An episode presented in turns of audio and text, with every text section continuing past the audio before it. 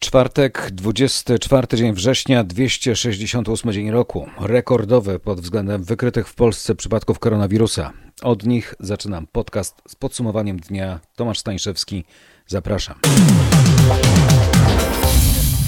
1136. Tyle ostatniej doby potwierdzono nowych przypadków koronawirusa w Polsce. Najwięcej od 4 marca, czyli od początku epidemii w Polsce. Ponownie mamy dwucyfrową liczbę ofiar, znowu powyżej 20. Dziś Ministerstwo Zdrowia informuje o 25 zmarłych, wczoraj było ich 28, a we wtorek 18. Według Ministerstwa Zdrowia rekordowy wzrost liczby chorych to efekt zwiększonych kontaktów międzyludzkich. Nie mamy większych ognisk zakażeń, są one nieduże i rozproszone. Tak mówił przed południem rzecznik prasowy resortu zdrowia Wojciech Andrusiewicz. Podkreślał, najważniejsze jest obłożenie w szpitalach. Po pierwsze pod kątem zajętych covidowych łóżek, po drugie respiratorów. Jak zatem wyglądają te liczby? W tej chwili z koronawirusem w szpitalach przebywa 1964 osoby. Pod respiratorami leży 91 chorych. W kontekście szpitali i szpitalnej infrastruktury przypominam, według Ministerstwa Zdrowia przygotowanych dla pacjentów w szpitalach jest 6,5 tysiąca łóżek i 400 respiratorów ze wspomnianego 1136 potwierdzonych dziś nowych przypadków koronawirusa najwięcej zakażeń pochodzi z województw małopolskiego 183, na drugim miejscu mazowieckie 149, pomorskie 143, śląskie 110. Pozostałe są już poniżej setki łódzkie i wielkopolskie po 84 przypadki, podkarpackie 62, dolnośląskie i lubelskie po 58. Ostatniej doby wykonano ponad 23 700 testów. Rosnąca liczba zakażonych zmienia listę powiatów z obostrzeniami. Wydłużyła się ona z 11 do 21 powiatów.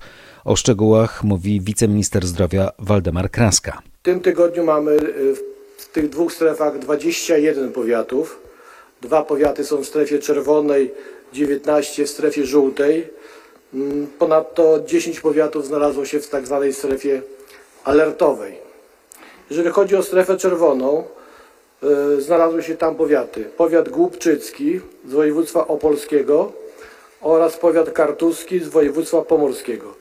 Oba te powiaty przeszły ze strefy żółtej.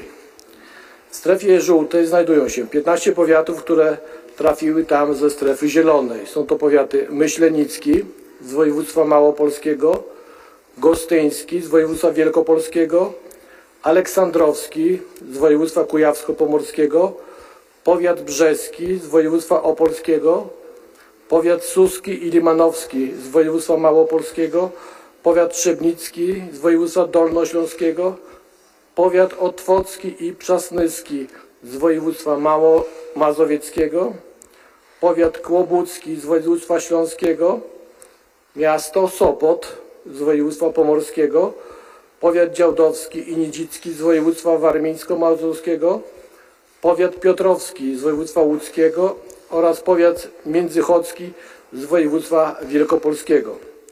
Ze strefy czerwonej do żółtej przeszedł powiat bytowski z województwa pomorskiego oraz powiat milicki z województwa dolnośląskiego. Tak jak w ubiegłym tygodniu w strefie żółtej utrzymuje się powiat nowotarski i Tatrzański z województwa małopolskiego. Natomiast od soboty ze strefy czerwonej wychodzą powiaty kluczborski, a z żółtej powiat opolski i kielecki województwo świętokrzyskie. Do tej długiej listy dodajmy jeszcze 10 powiatów w tak zwanej strefie alertowej. To Kluczborski, czyli Opolskie, Kościerski, Wejherowski, Nowodworski oraz Słupsk w Pomorskiem, w Podkarpackim, Strzyżowski i Przeworski. Łęczyński w Lubelskim i powiat jaworski w województwie dolnośląskim. To właśnie powiaty w strefie alertowej. Przypominam, lista powstaje na podstawie analiz dynamiki wzrostów zakażeń w ostatnich 14 dniach. Jeżeli nowych zachorowań było w tym okresie powyżej 12 na 10 tysięcy mieszkańców, wtedy powiat trafia do strefy czerwonej. Jeżeli między 6 a 12 na 10 tysięcy mieszkańców, wtedy do strefy żółtej.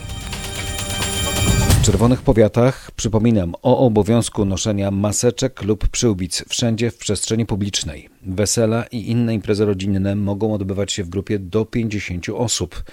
W restauracjach i innych lokalach gastronomicznych obowiązkowe jest zakrywanie ust i nosa. Limit przestrzeni na jedną osobę to 4 metry kwadratowe. Kościoły i miejsca kultu religijnego w czerwonych strefach mogą być zapełnione najwyżej w połowie dostępnych miejsc. Restrykcje dotyczą również miejsc związanych z rozrywką i kulturą. W kinach w czerwonych powiatach zajęta może być tylko jedna czwarta miejsc, parki rozrywki czy wesołe miasteczka są zamknięte. Nie wolno również organizować targów i konferencji. Siłownie, kluby i centra fitness mają przestrzegać zasady jedna osoba na 10 metrów kwadratowych. Wydarzenia sportowe mogą się odbywać, ale bez udziału publiczności. Przypomnijmy zatem raz jeszcze z Ministerstwem Zdrowia. Koronawirus przenosi się drogą kropelkową, a więc podczas kaszlu, kichania czy mówienia. Jak zapobiegać zakażeniu? Często myj ręce, używając mydła i wody.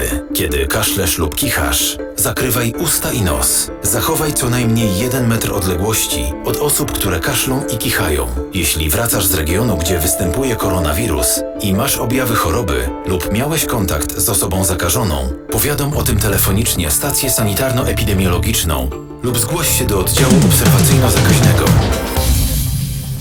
Co o tym rekordowym wyniku mówił w Brukseli premier Mateusz Morawiecki po spotkaniu premierów Grupy Wyszehradzkiej z szefową Komisji Europejskiej Ursulą von der Leyen? Wszyscy też potwierdziliśmy sobie, że chcemy uniknąć kolejnego lockdownu. We don't want another lockdown to happen. We want, chcemy e, mieć taką jakby dobrą równowagę pomiędzy siłą gospodarki, pomiędzy tempem wychodzenia z kryzysu, a dbałością o wszystkie mm, sprawy związane ze, ze, służbą zdrowia, o zdrowie publiczne, o zdrowie indywidualnych ludzi. My w Polsce, ale także w Republice Czeskiej, na Węgrzech zadbaliśmy o to bardzo, bardzo dobrze, e, ale przed nami na pewno jeszcze kilka miesięcy, mam nadzieję, że ostatnich kilka miesięcy, oby bardzo krótkich, zmagania z tą pandemią. To głos polskiego premiera płynący z Brukseli. Szwecja tymczasem odnotowała dziś 533 nowe zachorowania. Największy dobowy przyrost od początku lipca. Co na to szef szwedzkiego rządu? Läget är förvisso bättre än i våras, men krisen är inte över, långt därifrån. Sytuacja jest lepsza niż na wiosnę, ale kryzys jeszcze się nie skończył. Jeszcze do tego daleko, ale wiem, że z tego, co robimy teraz, będziemy zadowoleni później. W Szwecji sytuacja jest stosunkowo stabilna, ale widzimy również oznaki, że liczba infekcji rośnie w niektórych obszarach naszego kraju. Dlatego jeżeli mamy sytuację, w której liczba przypadków nadal rośnie, nie zawahamy się ani sekundy przed wprowadzeniem dalszych ograniczeń, jednak mam nadzieję, że nie będzie to konieczne, zaznaczał Stefan Löfven i już dziś zadeklarował, że nie będzie zapowiadanego na październik złagodzenia restrykcji wprowadzonych w Szwecji w związku z epidemią koronawirusa. Pod koniec sierpnia tamtejszy Urząd Zdrowia Publicznego proponował rządowi zwiększenie od 1 października limitu liczby uczestników imprez kulturalnych oraz sportowych z 50 do 500. Wówczas wskazywano, że będzie to możliwe pod warunkiem zachowania szeregu zaleceń, zapewnienia numerowanych miejsc siedzących czy też metrowych odstępów. Jeszcze jeden szwedzki ślad koronawirusa. Napastnik AC Milan Zlatan Ibrahimowicz, piłkarski Bóg Szwecji, jest zakażony koronawirusem, dlatego nie zagra wieczorem w meczu Ligi Europy z norweskim Bode Glimt. 38-latek trafił na domową kwarantannę. Jak się bawi? My name is Zlatan.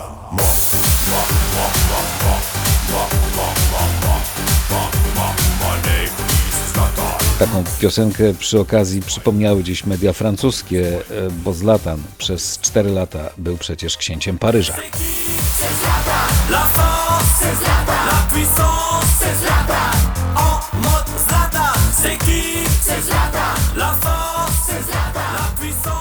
Trzymając się piłki, Bayern Monachium gra właśnie w Budapeszcie z hiszpańską Sewillą o Super Puchar Europy, czyli pierwszy w czasach pandemii. Międzynarodowy mecz z udziałem kibiców. Węgierska opozycja mówi wprost o UEFA-owskim eksperymencie na ludziach. Łącznie do Budapesztu miało przyjechać 6 tysięcy fanów z Niemiec i Hiszpanii. Połowę biletów z tej puli dostał Bayern, połowę Sevilla, do tego 14 tysięcy wejściówek dla kibiców węgierskich. Figyelek el, mindig kezet mossak, tartsam a távolságot, megteszem, amit tudok, de hát valamiből élni kell, szóval dolgozni kell az ember. Wszyscy będą tu daleko od siebie, będą oddzieleni. Przygotowania są naprawdę dobre. W bufecie będą plastikowe ściany, gotówka nie będzie dozwolona, więc wszyscy muszą płacić kartami. Nie będziemy musieli dotykać pieniędzy. Zgadzam się, że organizacja jest ryzykowna, ale myślę, że jeżeli wszyscy będą przestrzegać zasad i przepisów, być może nie będzie z tym większego problemu. Talán nem lehet nagy probléma ebből. Zobaczymy. Spora grupa kibiców Bayernu i Sewilli zrezygnowała z wyjazdu do stolicy Węgier. Nie pomogły nawet załączone do biletów darmowe covidowe testy. Bayern, przypominam, z Robertem Lewandowskim gra o przejście do historii, a Hansi Flick może zostać pierwszym niemieckim trenerem, który w jednym roku kalendarzowym sięgnie aż po cztery trofea. Mistrzostwo Niemiec, Puchar Niemiec, Puchar Ligi Mistrzów i Super Puchar Europy? Czemu nie? Ale grają też o piłkarską Europę nasi. Piast Gliwice z FC Kopenhaga, no i Legia Warszawa z kosowską Drytą Gnilane. Czy Czesław Michniewicz, nowy trener Legii, zostanie polskim Hansim Flickiem? Hu, hu, hu. Zobaczymy. My w podsumowaniu dnia mamy teraz gierkę polityczną taktyczna zabawa dla dorosłych ludzi, którzy od tygodnia zwodzą nas wielkim wstrząsem Zjednoczonej Prawicy. Ale na razie skutecznie. Jarosław Kaczyński koalicyjną bombę rozbraja. Co więcej, to rozbrajanie najwyraźniej go bawi, bo od trzech dni zwołuje spotkania kierownictwa Prawa i Sprawiedliwości. Ba! Wszystko wskazuje na to, że Jarosław Kaczyński wejdzie w skład nowego rządu. Prezes PiS miałby w randze wicepremiera stanąć na czele Komitetu do Spraw Bezpieczeństwa i nadzorować Ministerstwo Sprawiedliwości, Ministerstwo Obrony Narodowej oraz resort spraw wewnętrznych i administracji. Co z tego będzie faktem? Dowiedzieć mamy się jutro, po spotkaniu, które pozwoli dopiąć kwestię umowy koalicyjnej. Zdradził to w RMFFM wiceprezes Partii Porozumienie Marcin Ociepa, z którym rozmawiał Marcin Zaborski. Panie pośle, kiedy podpisanie umowy koalicyjnej? No to jest bardzo dobre pytanie. Zależy tylko od nas. My jesteśmy gotowi podpisać umowę w kształcie przez nas wynegocjowanym, nawet do końca tego tygodnia. To na kiedy umówiliście się na wznowienie zawieszonych przed tygodniem rozmów koalicyjnych? Na jutro. Jutro będą yy, wznowione rozmowy? No, panie redaktorze, jesteśmy umówieni. Czy będą? Sytuacja jest dynamiczna. Umówiliście się w gronie wszystkich koalicjantów? Tak jest. I te rozmowy są jeszcze potrzebne, żeby co? Ustalić, domówić, donegocjować? No rozumiem, dopiąć kwestię umowy. Mm, tak jak, e, tak jak powiedziałem, my ze swojej strony wszystkie kwestie uzgodniliśmy, ale przez ten parę ostatnich dni no, sporo się wydarzyło, było dużo napięć, emocji. Warto by było, a także spotkań dwustronnych prezesa Prawa i Sprawiedliwości i z prezesem Ziobry, z prezesem Gobinem, warto, żeby w końcu usiedli we trójkę i te negocjacje zwieńczyli. I czyli to jutro się wydarzy. Jarosław Kaczyński, Jarosław Gowin, Zbigniew Ziobro przy jednym stole wieńczą negocjacje koalicyjne. Mm, tak być powinno. A przynajmniej próbują.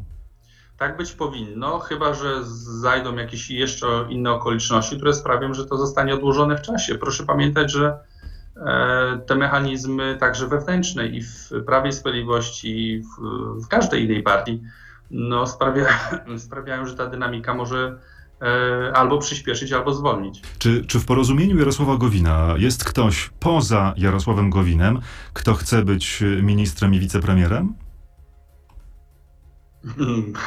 Panie redaktorze, myślę, że um, nie pomylę się, jeśli powiem, że pewnie znając ambicje ludzi, to niemal każdy Mm, I czy y, ten niemal każdy, czyli wszyscy inni poza Jarosławem Gowinem, pogodzili się z tym, że to on będzie y, wicepremierem w rządzie po rekonstrukcji? No o tym będzie decydować w formie głosowania jednak prezydium partii. Kwestie pogodzenia się to zostawmy sumieniu i duszy każdego z naszych członków, czy przynajmniej członków prezydium. Natomiast zupełnie czymś naturalnym i oczywistym jest to, że lider partii powinien mieć pierwszeństwo. No tak, on mówi, że statutowe władze partii o tym zdecydują, tak samo jak pan. To kiedy te statutowe władze partii y, zdecydują, że Jarosław Gowin może wrócić do rządu? Bezzwłocznie po podpisaniu umowy koalicyjnej, dlatego że ta umowa y, będzie definiować naszą rolę w przyszłym rządzie, także jeśli chodzi o stanowiska, które obejmujemy, więc zgodnie z naszym statutem prezydium będzie rekomendować kandydatów na te stanowiska. Dopóki nie ma konsensusu co do stanowisk, w, nawet w sensie takim konsensusu już formalnie, nie, nie de facto, tylko de jure, w postaci podpisanych umów, podpisanej umowy koalicyjnej przez każdego z liderów partii, no dopóty trudno te stanowiska obsadzać. I to ma być wicepremier i minister rozwoju w jednej osobie? Panie redaktorze, jak tylko zostanie umowa upubliczniona, wówczas będę mógł mówić wprost o tym, jakie stanowiska zostaną obsadzone przez polityków. A ona będzie upubliczniona rzeczywiście, znam, bo poprzednia znam nie ten była. Scenariusz. Znam ten scenariusz, ale potwierdzę go dopiero e, wówczas, kiedy umowa ujrzy światło dzienne, dlatego że uważam, że jest to rola liderów partii, żeby ujawniać kulisy czy e, owoce, efekty negocjacji. Ja jestem uczestnikiem tych negocjacji i po prostu obowiązuje mnie mm, poufność. Jarosław Gowin wyszedł z rządu, y, panie ministrze, maju, gdy nie przekonał koalicjantów do wprowadzenia mm, trzymiesięcznego vacatio legis na, do ustawy o wyborach korespondencyjnych, czyli odłożenia tych wyborów na trochę później. Mówił, dlatego, że nie przekonałem ich do tego, podaje się do dymisji. Czyli wtedy w ramach protestu z rządu wyszedł, a teraz do rządu wróci. Hmm, jest w tym sens? No bardzo głęboki. Naprawdę? Bo proszę zwrócić uwagę, że ostatecznie zostały przeprowadzone w Polsce i rozstrzygnięte wybory, których y, legalności nikt nie podważył. Tylko, że nikt z, z rządu nie potwierdził, że demokracji. Jarosław Gowin miał rację, panie ministrze. Y, y, To z całą pewnością. Jarosław Gowin ma, miał rację. Nie, nikt w rządzie Tak. tego nie powiedział. Premier Morawiecki nie powiedział, e, tak, panie premierze Gowin, pan miał rację. Racja jest po pana stronie. Do końca słyszeliśmy zupełnie inną narrację. Panie redaktorze, y, y, polityka rzadko jest sprawiedliwa, a już bardzo rzadko ktokolwiek przyznaje komukolwiek rację. Przyznawał w popołudniowej rozmowie w RMF FM współpracownik Jarosława Gowina Marcin Ociepa. A propos wyborów, jest postępowanie dyscyplinarne wobec warszawskiej prokurator, która wszczęła śledztwo mające wyjaśnić, czy przeprowadzenie wyborów prezydenckich w czasie epidemii zagraża zdrowiu i życiu głosujących. To śledztwo przełożona Ewy Wrzosek umorzyła po kilku godzinach. O szczegółach teraz Krzysztof Zasada. Sprawa z polecenia prokuratora krajowego trafiła do prokuratury regionalnej w Warszawie. Po postępowaniu sprawdzającym akta wysłano do rzecznika dyscyplinarnego w Łodzi. Przełożeni Ewy Wrzosek chcą, by odpowiedziała za przewinienie służbowe opisane w ustawie o prokuraturze jako oczywiste i rażące naruszenie przepisów prawa. Według wnioskujących o postępowanie dyscyplinarne nie było powodów, by wszczynać śledztwo w sprawie wyborów. Główny argument można streścić następująco. Nie było zagrożenia koronawirusem podczas głosowania, bo nie był nawet znany termin wyborów. Trwały jeszcze polityczne przepychanki w tej sprawie. Dodam, że dziś dowiedzieliśmy się także, że Poczta Polska wystąpi o zwrot kosztów za organizację wyborów, które się nie odbyły. Ma ubiegać się w Krajowym Biurze Wyborczym o jednorazową rekompensatę za poniesione koszty organizacji wyborów korespondencyjnych, które miały się odbyć 10 maja. Według szacunkowych danych spółka, działając na polecenie premiera, wydała około 70 milionów złotych, m.in. na druk kart do głosowania. Możliwość ubiegania się o zwrot kosztów poniesionych na organizację wyborów prezydenckich zarządzonych na 10 maja daje uchwalona 14 sierpnia tego roku ustawa o zmianie niektórych ustaw w celu zapewnienia funkcjonowania ochrony zdrowia w związku z epidemią COVID-19 oraz po jej ustaniu. No i tak wróciliśmy do koronawirusa, którym to jeszcze nie zajmował się Jarosław Gowin jako na przykład minister zdrowia. Bo jak już słyszeliśmy, Gowin do rządu wraca, co potwierdzał w rozmowie z Robertem Mazurkiem Kamil Bortniczuk, gość porannej rozmowy w RMF FM.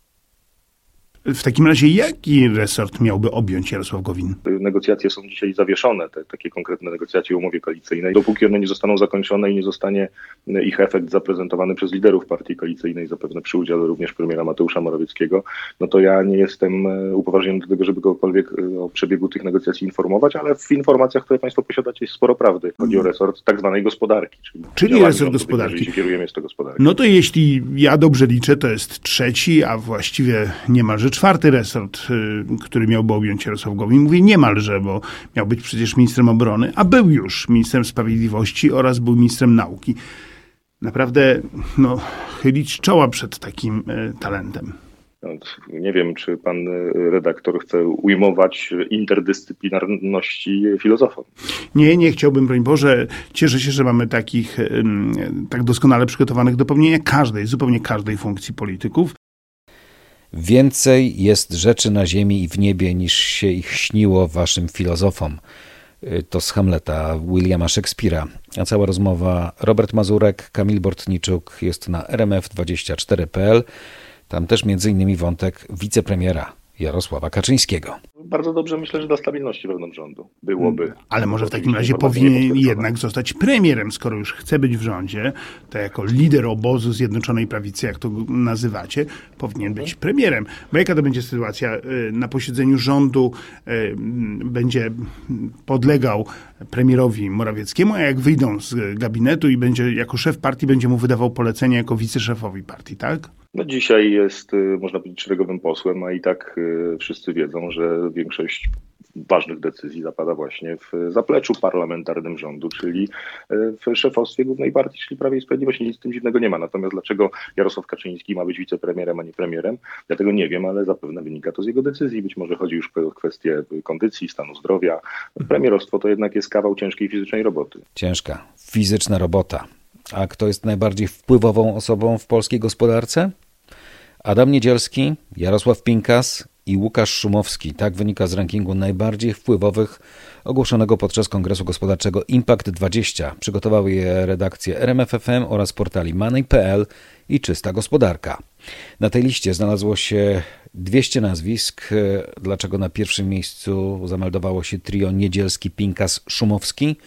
O tym Krzysztof Wyrenda. Dlatego, że w tym roku to ci trzej panowie mieli, mają i najprawdopodobniej będą mieć największy wpływ na naszą gospodarkę, czyli na nasze portfele. Adam Niedzielski, obecny minister zdrowia, Łukasz Szumowski, były minister i Jarosław Pinkas, czyli szef Sanepidu. To są ludzie, którzy decydują o tym, która firma w Polsce działa, a która nie. Są panami gospodarczego życia i śmierci polskich przedsiębiorców. Pandemia to przecież najważniejsze wydarzenie tego roku, no i od tego, jak panowie walczą z tym kryzysem, zależy to, jak długo potrwają ograniczenia koronawirusowe. Zresztą to oni decydują o tym, gdzie i jakie ograniczenia będą. Każdy ich błąd może kosztować tysiące miejsc pracy. Na pierwszym miejscu egzekwo są obecny i były minister zdrowia, czyli Adam Niedzielski i Łukasz Szumowski oraz szef Sanepidu Jarosław Pinkas. Jak wygląda pozostała część tego rankingu? Zaraz za tymi panami, którzy skutecznością walki z koronawirusem decydują o rozmiarze kryzysu finansowego jest premier Mateusz Morawiecki, no bo to on kieruje zwalczaniem tego kryzysu. Miejsce trzecie w naszym rankingu zdają Jarosław Kaczyński. To jest człowiek, który oczywiście w polityce jest najważniejszy, ale w tematy gospodarcze nie zawsze wchodzi. Pozycje 4 i 5 w naszym zestawieniu to kolejno Angela Merkel i Donald Trump. Niemcy to bowiem nasz najważniejszy partner handlowy, a Amerykanie militarny, przez co mogą wiele od naszego rządu wymagać. W pierwszej dziesiątce jest także Paweł Borys, szef Polskiego Funduszu Rozwoju, który był architektem tarczy finansowej. Warto zauważyć, że na setnym miejscu znalazł się prezydent Andrzej Duda. To dlatego, że pomimo sporych kompetencji rzadko kiedy zajmuje się gospodarką. Cały ranking najbardziej wpływowych znajdziecie na rmf24.pl. Polecam. To było podsumowanie dnia w RMF FM. Tomasz Stańszewski, dziękuję za uwagę.